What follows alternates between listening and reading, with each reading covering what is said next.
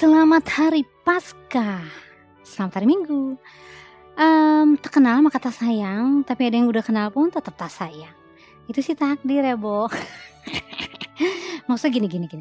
Kita tuh kenapa ya suka salah-salah persepsi? Jadi kayak ngehakimin atau ngambil kesimpulan berdasarkan pendapat orang kebanyakan atau berdasarkan apa yang terjadi kebanyakan terjadi misalkan seperti itu. Jadi just just like a collective judgment.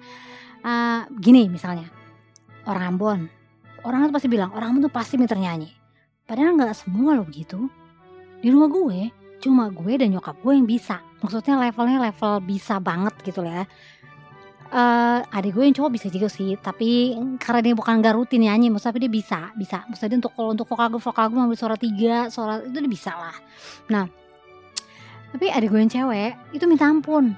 Minta ampun nggak bisa nyanyi sama sekali. Jadi kalau di gereja nyanyi itu samping dia kuping gue tuh sakit karena dia tuh orangnya kan semangat banget kalau nyanyi di gereja. Apalagi nyanyi lagu gereja tuh udah kadang semangat nggak peduli kiri kanan ada nyanyi kenceng. Tuh gue kadang-kadang ini orang perempuan ini ngeri banget sih gitu suaranya. Ngeri bener-bener ngeri gitu ya. Terus uh, aduh gimana sih sakit di kuping tuh sakit gitu.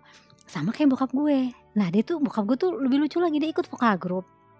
Vokal grupnya bapak-bapak atau om-om di gereja gue uh, nyanyi juga pakai nyanyi yang pakai musik yang pakai gitar, pakai bass gitu, model-model gitulah pokoknya dan pakai keyboard ya. Terus pakai bagoyang-bagoyang pula gitu ya. Kalau nyanyi tuh goyang ke kanan, goyang ke kiri, model-model kayak Mas Naid tapi nggak heboh kayak Mas Naid kan pakai maju ke kanan ke belakang gitu. Kalau bokap gue pokoknya ke kiri ke kanan sama teman-temannya itulah.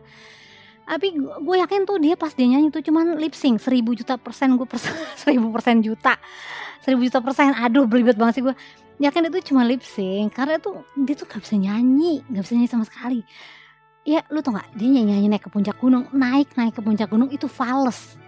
Dan aneh gitu nadanya jadi gini naik naik ke puncak gunung. Itu gue dia kalau nyanyiin itu dari gue kecil sampai udah ponakan gue pada udah lahir sampai gede tuh masih inget tuh opa si opa John tuh kalau nyanyi naik naik ke puncak gunung ya fals. Pokoknya nada dibikin nada sendiri. Nah Uh, soal ngawur persepsi ini juga terjadi di sebuah lagu yang sering banget dinyanyiin justru saat Natal. Itu nih yang lagu kuputin sekarang itu Great Hallelujah atau uh, dibilangnya di chorus ya.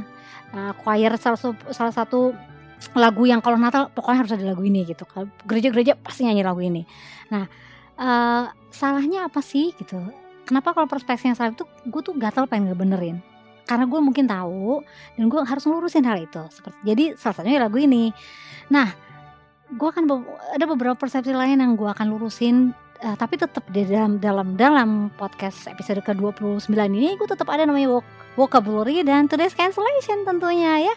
And then gue Sunyana Guna aka perempongan gak guna itu ya. Artinya Sunyana Guna itu perempongan gak guna di episode ke 29 podcast Celamitan stay tuned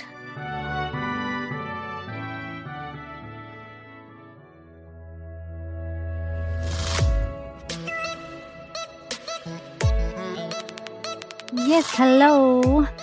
We're rolling into the new episode podcast Samitan yang tentunya cuma seru-seruan monolog dari perempuan tidak ada guna ini yang mencoba mempergunakan waktunya ngecelamitin, ngecomelin hal-hal yang berdasarkan keseruan yang eh, ditemuin ya dalam perjalanan hidup gue yang sungguh-sungguh sangat memilukan. Terus backsound gue lagunya harus lagunya Ebit GAD gitu ya. Anjir. Oke, okay, uh, eh, Tadi kan gue bilang di pertama bahwa gue ingin meluruskan beberapa persepsi yang salah atau kesalahan-kesalahan yang udah dianggap biasa akhirnya jadi ya sesuatu yang menjamur dan ya udahlah ya dibiarin akhirnya lama-lama ya terusan deh sampai sekarang ya Sepertinya salah satunya ini lagu dari uh, namanya George Friedrich Handel ya, seorang komposer dari uh, Jerman ya, Jerman tahun 18 1685 sampai 1759. Aduh itu berapa abad yang lalu ya, Bo?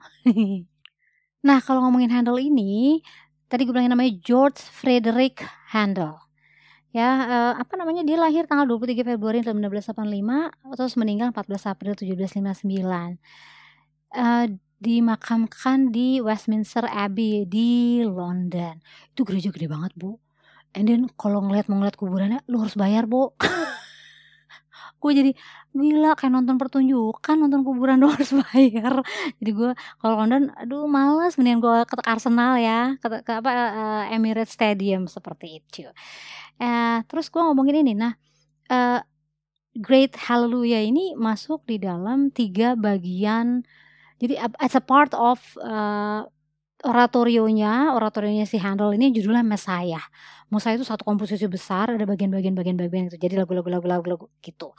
Nah, bagian pertama itu isinya 22 lagu. Eh sorry, 20 lagu dimulai dengan sinfoni uh, Grave ya judul part 1. Part 1 itu The Promise of Redemption. Ini as I, I'm talking about this, gue bener-bener baca CD-nya karena gue memang beli CD aslinya dari Handel gue emang komplit eh bukan komplit kompleks uh, complicated kali ya. Gue suka juga yang namanya All American Rejects tapi gue juga suka yang namanya klasik apa tuh? And sometimes gue untuk dangdut seperti episode kasih gue juga bisa menikmati. Bingung kan hidup lo? Back back back back back. Oke. Okay. jadi Handel ini uh, membuat oratorio Messiah ini dalam tiga bagian. Uh, yang pertama itu The Promise of Redemption. Jadi janji tentang penebusan. Begitu. Nah di part 1 ini The Promise of Redemption ada 22 lagu Ada satu lagu yang paduan suara gue pernah nyanyiin judulnya And the Glory Jadi kalau teknik dalam karena begitu tingginya nadanya ya Jadi kalau pelatih gue bilang kalau nyanyi lagu yang yang tinggi sekali jangan pernah ngomongnya and karena nanti dia akan false off pitch. Ini gue kasih sedikit teknik gak penting juga tapi cuma berbagi aja kesulitan kita untuk nyanyi lagunya handle ya. Judulnya under glory. Jadi kita supaya dapat dapat a nya nggak false jadi betulnya bener-bener ngomongnya on jadi nyanyi itu the glory the glory of the Lord. Jadi the glory the glory of the Lord seperti gitu. Aduh ntar kuping lu sakit kalau gue nyanyi lagu serius nah di lagu ini eh, paduan suara gue pernah nyanyiin nampilin memang pada saat Natal tepat karena memang ini uh, The Promise of Redemption even itu harusnya nyanyinya justru sebelum Natal itu pada saat mungkin cocoknya pada saat uh, Advent ya jadi pre Christmas terus setelah itu ada lagi yang namanya lagu di di part one ini yang namanya uh, and suddenly there was with the angels. Itu gue juga kebetulan jadi solo pembukanya And suddenly there was an angel. Gitu kayak gitu lagunya. Ah, pokoknya ngeri kalau denger lagu gue denger lagunya nyanyi. Jadi gue ini lagu pertama itu ya part one itu The Promise of Redemption. Parun suruh gue pernah nyanyiin. Memang sangat-sangat sulit komposisi lagu handle karena bersaut-sautan. Antar pak bagian itu balap-balapan dan memang pelatih gue tuh kupingnya jadi bener-bener uh, tahu banget kalau dia falas dia lu falas ulang. Kayak gitu gitu wah pokoknya ngeri. Kalau itulah enaknya latihan di paduan suara ya uh, apa dinamikanya ketemu lagu-lagu yang sulit kayak gini seneng gitu. And terus uh, part 2-nya, part 2-nya itu disc kedua kalau di CD gua ya. Part 2 itu isinya the The Passion of the Redeemer. I'm sorry, I'm sorry. Part 1 isi cuma 20, 20 lagu. Yang pertama itu sinfoni ditutup dengan chorus His Yoke is Easy.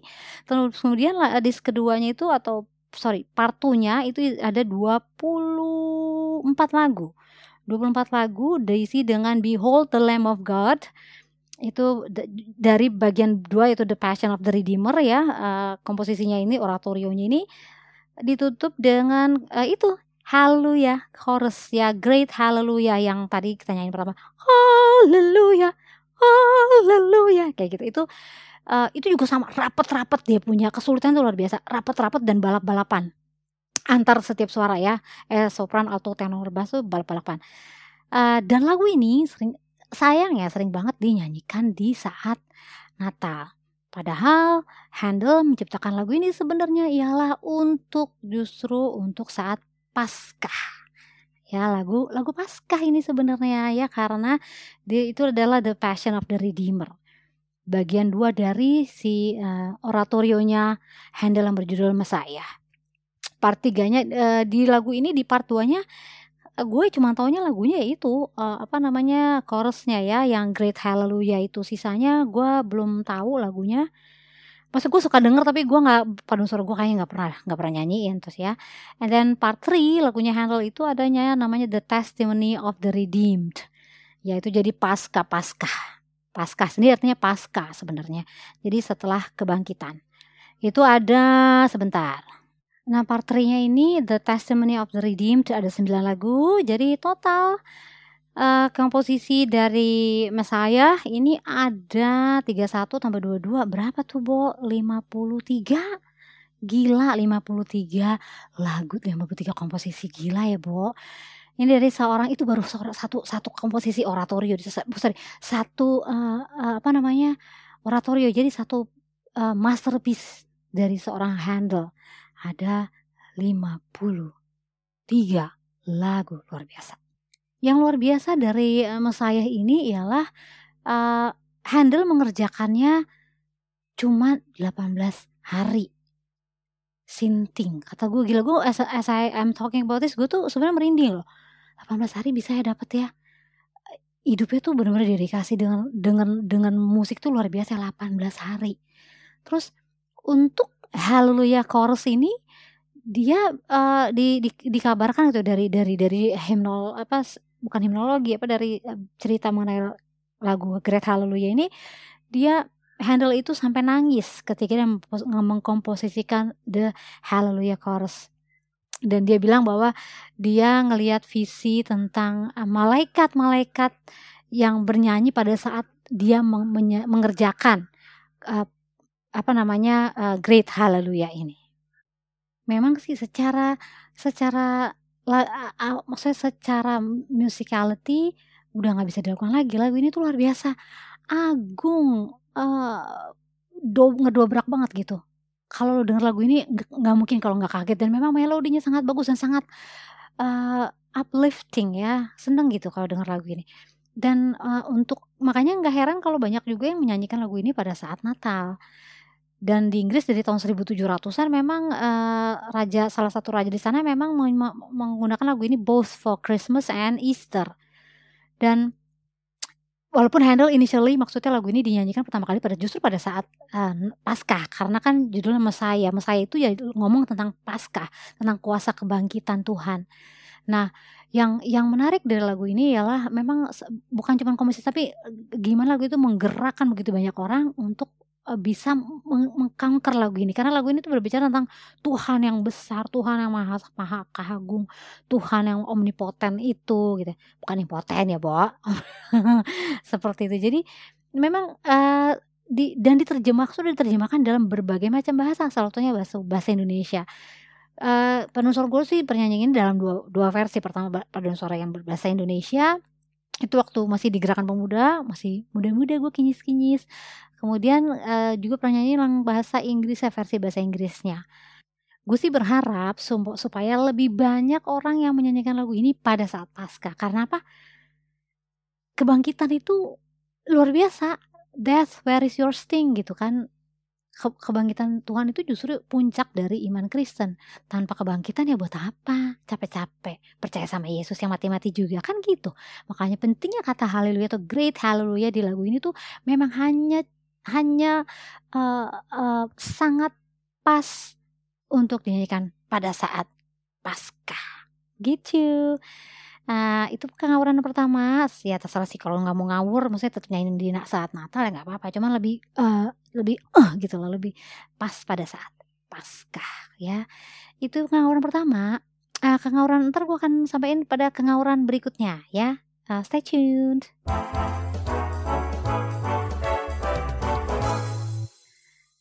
Berikutnya ialah mengenai persepsi bahwa kalau orang uh, kalau gue itu Islamofobia loh, karena gue suka apa namanya ngomong-ngomongin mengenai oh, mengenai agama uh, Islam. Enggak, Bo, enggak.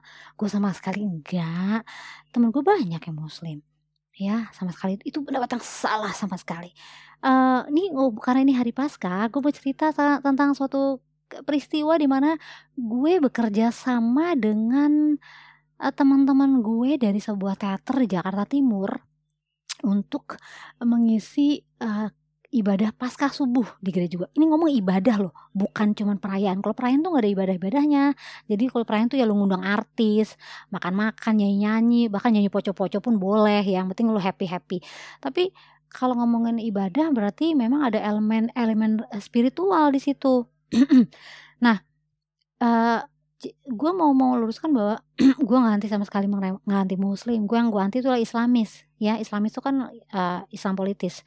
Tapi kalau uh, bekerja sama dengan teman-teman muslim gue sih nggak masalah. Bahkan dengan kejadian ketika gue merancang sebuah ibadah pasca subuh di gereja gue itu kejadian udah cukup lama dan memang gue tuh tahunan hampir setiap tahun ke kegiatan pasca tuh sebelum pandemi atau ya pokoknya sebelum selalu kejadiannya seksi acara ya. Eke tuh memang seksi rempong karena demen suka suka suka berpikiran gila mau bikin apa. Jadi dipercaya untuk hal-hal yang membuat hal-hal kegilaan apalagi nih tahun ini seperti itu.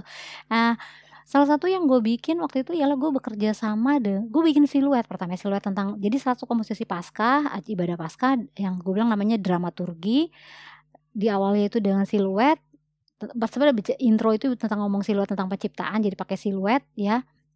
Nah pada saat bikin siluet itu gue bekerja sama dengan seorang uh, pemain biola yang kebetulan dia anak Aji. Aji deh Aji itu masih bukan bukan Aji. Anak pokoknya uh, pengamen jalanan pengamen jalanan dari daerah uh, Jakarta Timur juga namanya Aji kebetulan. Nah dia seorang pemain biola dan uh, uh totonya penuh bo. Uh, itu gue ketemu lagi gue lagi makan di food court. Lagi di food court tuh gue lagi bilang kita aksi dana bikin apa ya ini pasca? Gitu ya. Panitia pasca biasa kan bikin aksi dana jojo sebelum kira-kira sebulan sebelum pasca sebulan atau dua bulan sebelum pasca. Terus dia lewat nih memainkan permainan biolanya dan gue bilang ini anak bagus banget sih mainnya. Gue bilang padahal uh, pengamen gitu ya. Terus gue bilang eh eh nah, kenalan dong. Gue kenalan sama dia ngobrol-ngobrol. Terus dia bersedia untuk jadi pengam uh, jadi pengisi uh, acara uh, kayak semacam acara dana di parkiran dia memainkan lagu-lagu lagu-lagu duniawi lagu-lagu yang lucu-lucu gitu. Karena udah pasca selesai biarpun di gereja kalau udah selesai ibadah kan lagunya nggak perlu lagu worship. Dia memainkan lagu-lagu duniawi lagu-lagu cinta-cinta juga nggak apa-apa. Pokoknya uh, tapi dengan permainan biolanya dia gitu. Dan dia bersetuju uh, gue untuk waktu itu ngambil pokoknya Ji gue bayar satu kali ibadah itu seratus ribu jadi dari jam katakanlah dari jam 9 ada misalnya ibadah jam 6 pagi sampai jam 9 gitu ya gue kasih lu 100 ribu. Terus sore gitu lagi dari jam 4 sore sampai jam 7 gue kasih lu 100 ribu. Terus dia nggak keberatan. Terus akhirnya kita kerja sama gitu. Jadi kita tetap bilang kantong pasca uh, aksi dana pasca dan dia setuju dia dia muslim taat loh. Walaupun tatonya banyak nggak ngaruh ya bu Uh, ketika gue tanya sama dia kita kata dia, dia, dia gue perbantukan dia untuk beberapa kali nih ya uh, gue memperbantu uh, meminta dia untuk membantu kita beberapa kali di dalam acara di dalam latihan paskah. Uh, upacara apa suka acara ibadah paskah gitu latihannya. Jadi misalkan Jiji gue butuh orang buat ini nih buat uh, uh, narik kain putihnya untuk siluet. Terus dia datang tuh dia langsung ngasih bantuan gitu. Jadi, pokoknya orangnya gampang banget di di untuk di di di, di diajak kerjasama. Uh, sampai sekarang kita tetap maintain good relationship dengan si Aji uh, sampai sekarang dan dia ikut dalam aksi pokoknya pengamen jalanan deh. Beberapa kali ketemu dia juga sih sama si Aji pemain biola. Dan uh, apa namanya itu itu ngomongin mengenai itu ya bahwa gue anti muslim misalkan itu itu gue sanggah. Misalkan ya, ya tadi gue bekerja sama dengan temen gue namanya Aji itu seorang pengamen kemudian gue kerja sama dengan teater Jakarta Timur untuk membuat drama pasca sebenarnya lebih tepatnya sih skit ya skit. Itu semuanya pemainnya ialah Islam pemainnya muslim. Gak ada satupun juga orang Kristen sama sekali. Dan dari dari uh, maksudnya gue ngedrill mereka tuh juga nggak susah gitu. Gue kasih nih loh skripnya kayak gini lu mainnya kayak gini gitu mereka sama sekali sangat kooperatif. Mereka latihan dari kita mulai latihan pokoknya setelah gue pulang kerja jam tujuh jam malam sampai jam jam sebelas sampai jam satu malam ya, mereka mau. Dari latihan joget-jogetnya dari latihan ekspresinya dari latihan uh, apa namanya dialognya itu mereka enak banget lah anak-anak ini. Dan kadang-kadang gue mendapat masukan banyak dari mereka oh nggak bisa kak ini tuh kayak gini harusnya gitu. Ih kata gue gila. Gue bener I feel so blessed until today that I have ever worked with these guys gitu ya dari dan um, gue nggak anti sama sama muslim sama sekali enggak dan itu yang membuat gue kadang-kadang lucu. Kalau gue dibilang lu takut banget sama Islam lu takut banget sama Islam. Gue enggak lagi itu beres nggak sama sekali bah dan gue sama teater ini pun nggak cuma sekali event ya beberapa kali event pasca gue pakai karena gue udah percaya sama mereka gue kasih skripnya mereka mau pada saat salah satu kejadian ketika bukan kejadian salah satu sebelum pasca gue juga mengadakan acara yang namanya kayak uh, malam puji doa gitu ya. Tapi gue mau memakai elemen ada drama-dramanya gitu. Dan gue meminta mereka untuk memainkan bagian sebagai mereka menjadi seorang Petrus gitu penyelesaian seorang Petrus. Yang itu nggak ada di Alkitab tapi kira-kira gue meng, membayangkan bahwa Petrus betapa menyesal dia ketika dia menyangkal Tuhan. Kayak gitu-gitu. Dan itu gitu kan harus bikin skripnya gimana. Dan itu dengan, dengan mereka tuh cuman nggak main mereka nggak main dialog mereka cuma memainkan ekspresi dengan alat-alat yang ada misalkan dengan uh, properti seadanya dengan lampu yang seadanya dan di dan mereka salah satu dari mereka membacakan narasi dan ekspresi puitis sangat puitis. Aduh itu bagusnya itu. Dan gue bingung ya mereka itu sama sekali dibayar seadanya karena nggak perlu dibayar pun nggak apa-apa. Itu yang gue salut mereka muslim loh. Dan mereka bilang setelah kakak aja deh. Gitu dan itu yang menarik dari dari anak-anak teater ini ya. Dan mereka semua muslim. Bahkan selain gue memakai aji selain gue memakai aji gue juga memakai mereka untuk pertunjukan pantomim. Acara pasca acara pras pasca cari dana gitu ya. Mereka pantomim di depan gereja gitu ya. Uh, mereka bersedia gitu ya. Paling kita bayar transportnya doang gitu. This is yang gue bilang yang memang uh, gue rindu hal-hal semacam itu. Karena sekarang kayaknya jarang ya udah nggak pernah malah kegiatan-kegiatan semacam itu karena ada pandemi bang pandemi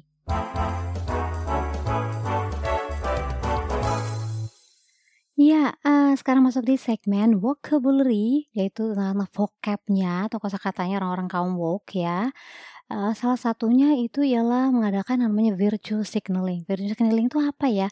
Jadi semacam gini, uh, jadi merasa bahwa uh, melakukan sesuatu dengan berharap bahwa, uh, secara moralitas tuh gue lebih gue tuh lebih baik gitu loh atau lebih mulia dari yang lain gitu ya.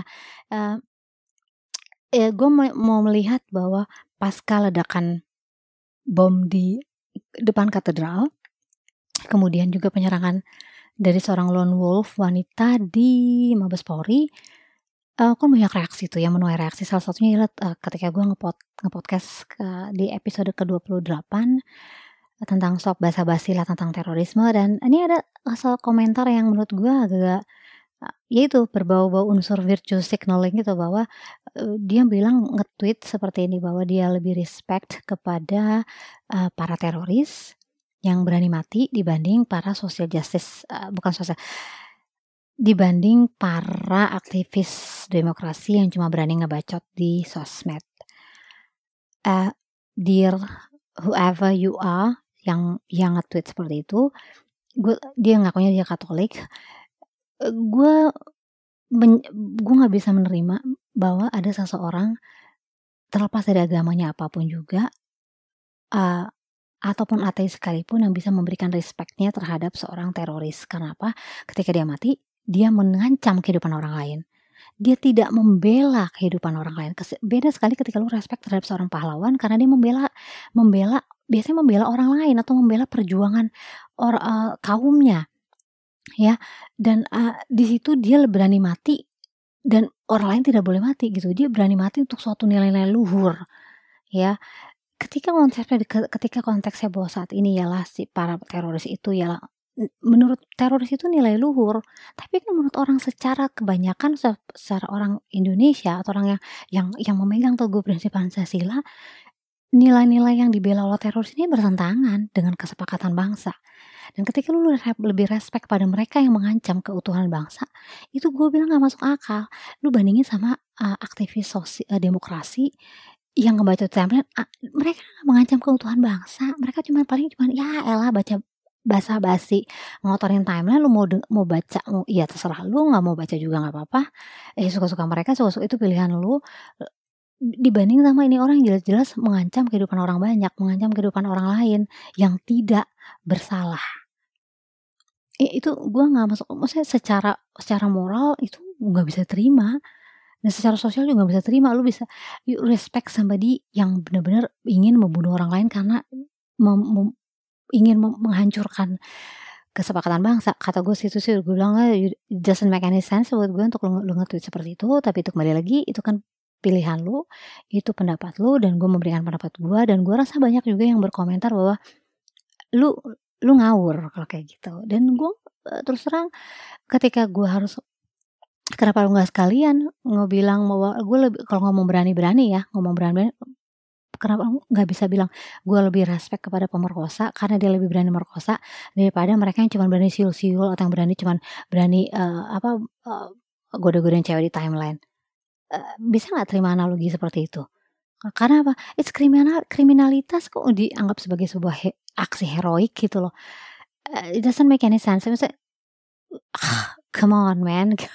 Jadi penggunaan kata respect uh, di sini yang kata gue menurut, menurut gue tuh ya memang vocabulary ya menggunakan kata respect. Agar sebenarnya lu memberikan virtue signal ini lu memberikan bahwa lu tuh uh, ini loh gue Katolik. Padahal gue gereja gue juga di, menjadi korban dari aksi-aksi teror. Tapi gue mau menunjukkan bahwa diri gue mulia. Sorry gue akan gue akan membuat lu dalam posisi seperti itu. Terlepas dari oh mungkin enggak ya.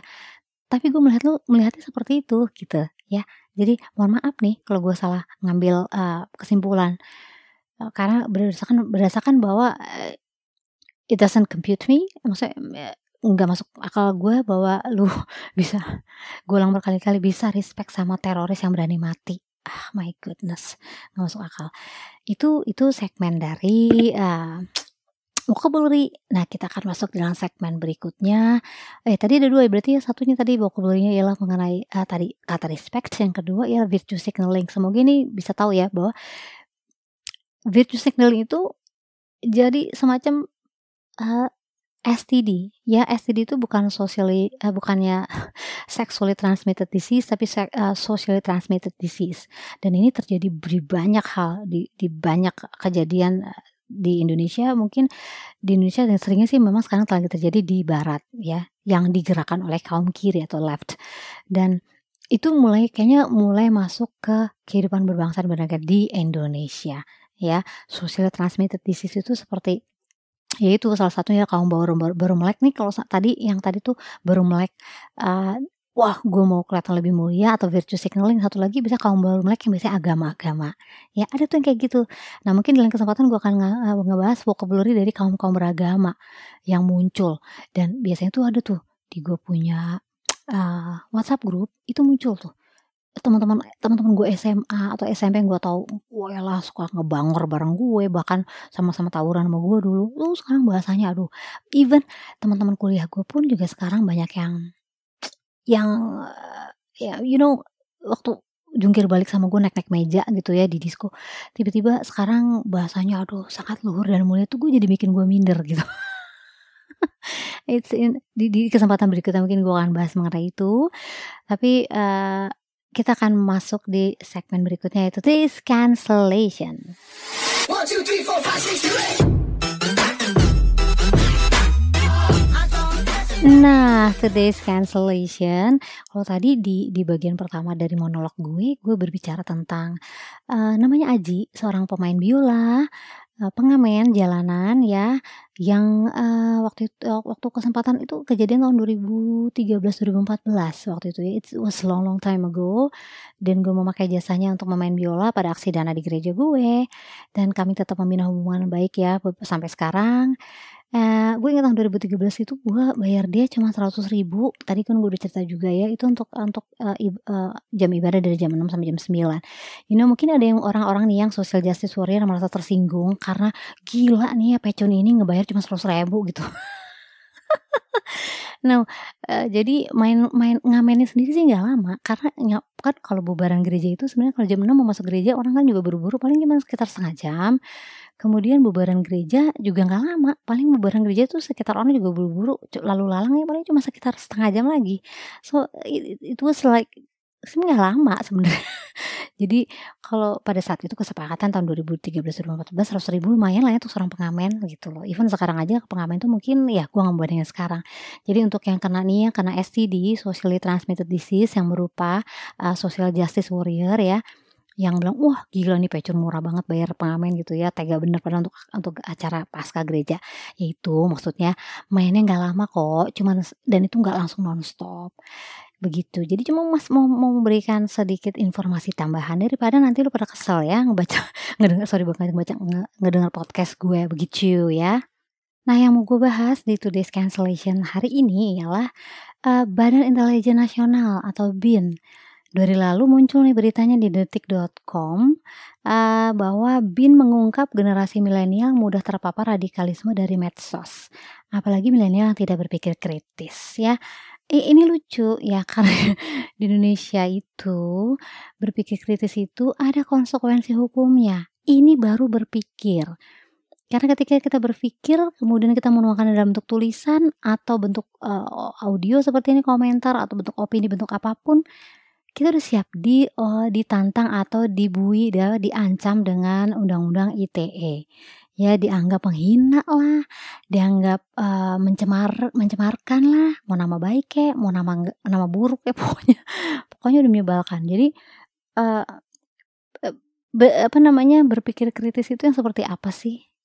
yang menurut versinya si Bin ini nah ini yang menurut gue ngawur uh, lu lu berani dulu dong. Lu kuatin mental lu untuk bisa benar-benar bisa berani menerima masukan atau pikiran-pikiran yang kritis dari bukan cuma milenial tapi even dari zoomers atau dari boomers ya.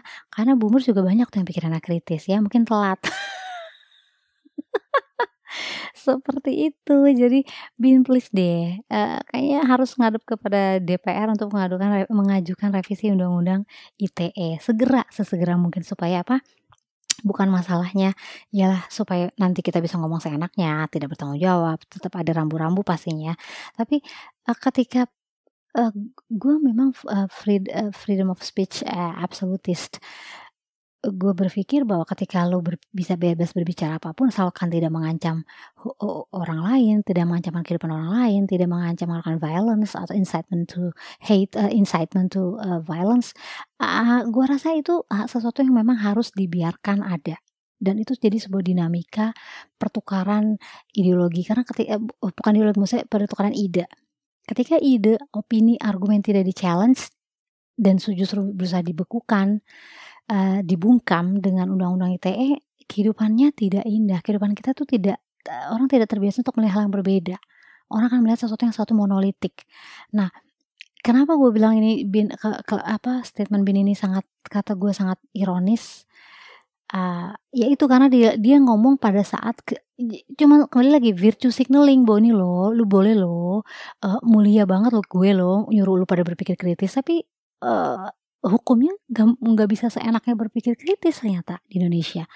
Gue tuh langsung mencoba mencerna apa maksudnya Bapak Bin itu ialah berpikir dengan berpikir kritis itu ialah nih orang-orang yang milenial yang ditargetkan milenial itu ya untuk berpikir kritis berpikir kritis adalah untuk berpikir saja tidak perlu ditulis, tidak perlu dipublikasikan, tidak perlu dibicarakan, tidak perlu diutarakan, apalagi digembar-gemborkan. Jadi cukup dalam pikiran saja. Gue gak ngerti lagi. Pusing pala Barbara ya bu. Kan ketika kita berpikir kita berarti kita memberikan pertanyaan kenapa bisa begini? Kok nggak begitu? Itu pun nggak boleh. Jadi hanya uh, berpikir sendiri gitu. It doesn't make any sense lagi karena apa? Uh, kalau memang maksudnya ya berpikir kritis ya boleh boleh mengajukan pertanyaan boleh melemparkan argumen boleh memberikan opini dan how?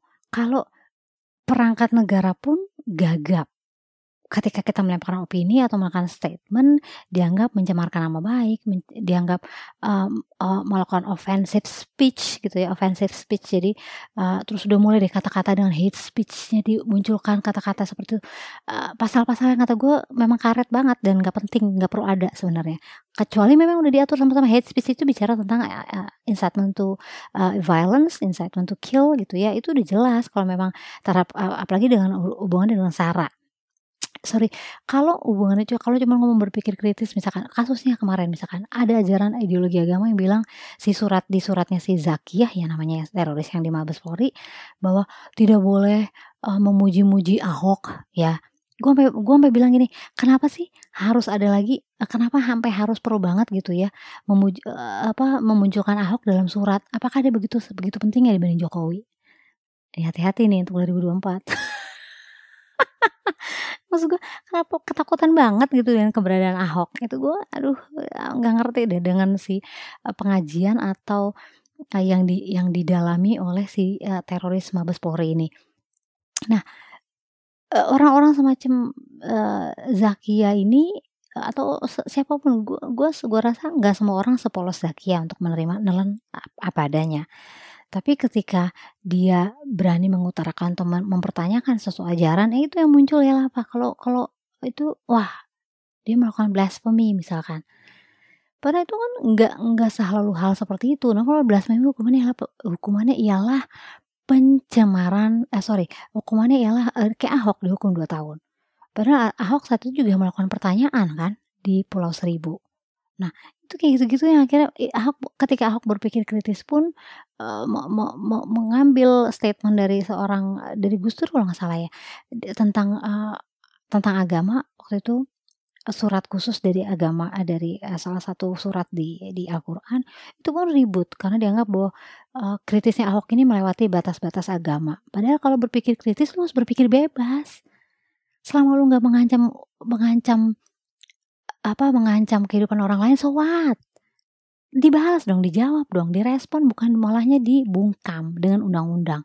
Dan itu lagi kembali gue bilang bahwa Indonesia tuh nggak siap untuk berpikir kritis, Pak kalau udah berpikir kritis urus urusannya mau hukum ya buat apa so so sorry to say you're so cancelled until ya, lu bisa bener-bener bertanggung jawab dengan apa yang lu sampaikan kalau udah bener-bener eh, undang-undangnya boleh membebaskan untuk berpikir kritis. Say hello silahkan by all means silahkan jalan. So guys, thanks for hanging out with me today. Selamat Hari Paskah sekali lagi buat yang merayakan. Teman-teman gue sesama umat uh, Kristiani ya. Uh, I'm going back to Twitter. Untuk mengobati kerinduan gak juga sih emang saatnya sudah balik lagi ke Twitter ya. And then uh, my only wish again is that we all stay sane stay bitchy and may God bless you and keep you. Sampai ketemu di episode celamitan berikutnya. Bye now Podcast Celamitan hadir nggak setiap hari, nggak juga setiap minggu, tetapi sesuka-suka gue sebagai hostnya. And kalau lo suka dengan episode ini atau lo suka sama gue secara pribadi dan memiliki rasa jijik secara terpendam, jangan lupa tekan subscribe podcast Celamitan di Apple Podcast dan Google Podcast atau klik follow di Spotify. Silahkan mereview 5 star or 1 star, it's all welcome. If you don't like my rants, mari selesaikan secara adat atau sesuai dengan penghasilan kita masing-masing. Any comments, any questions, please send email to podcastcelamitan at gmail.com Satu kata podcastcelamitan at gmail.com Ditunggu ya.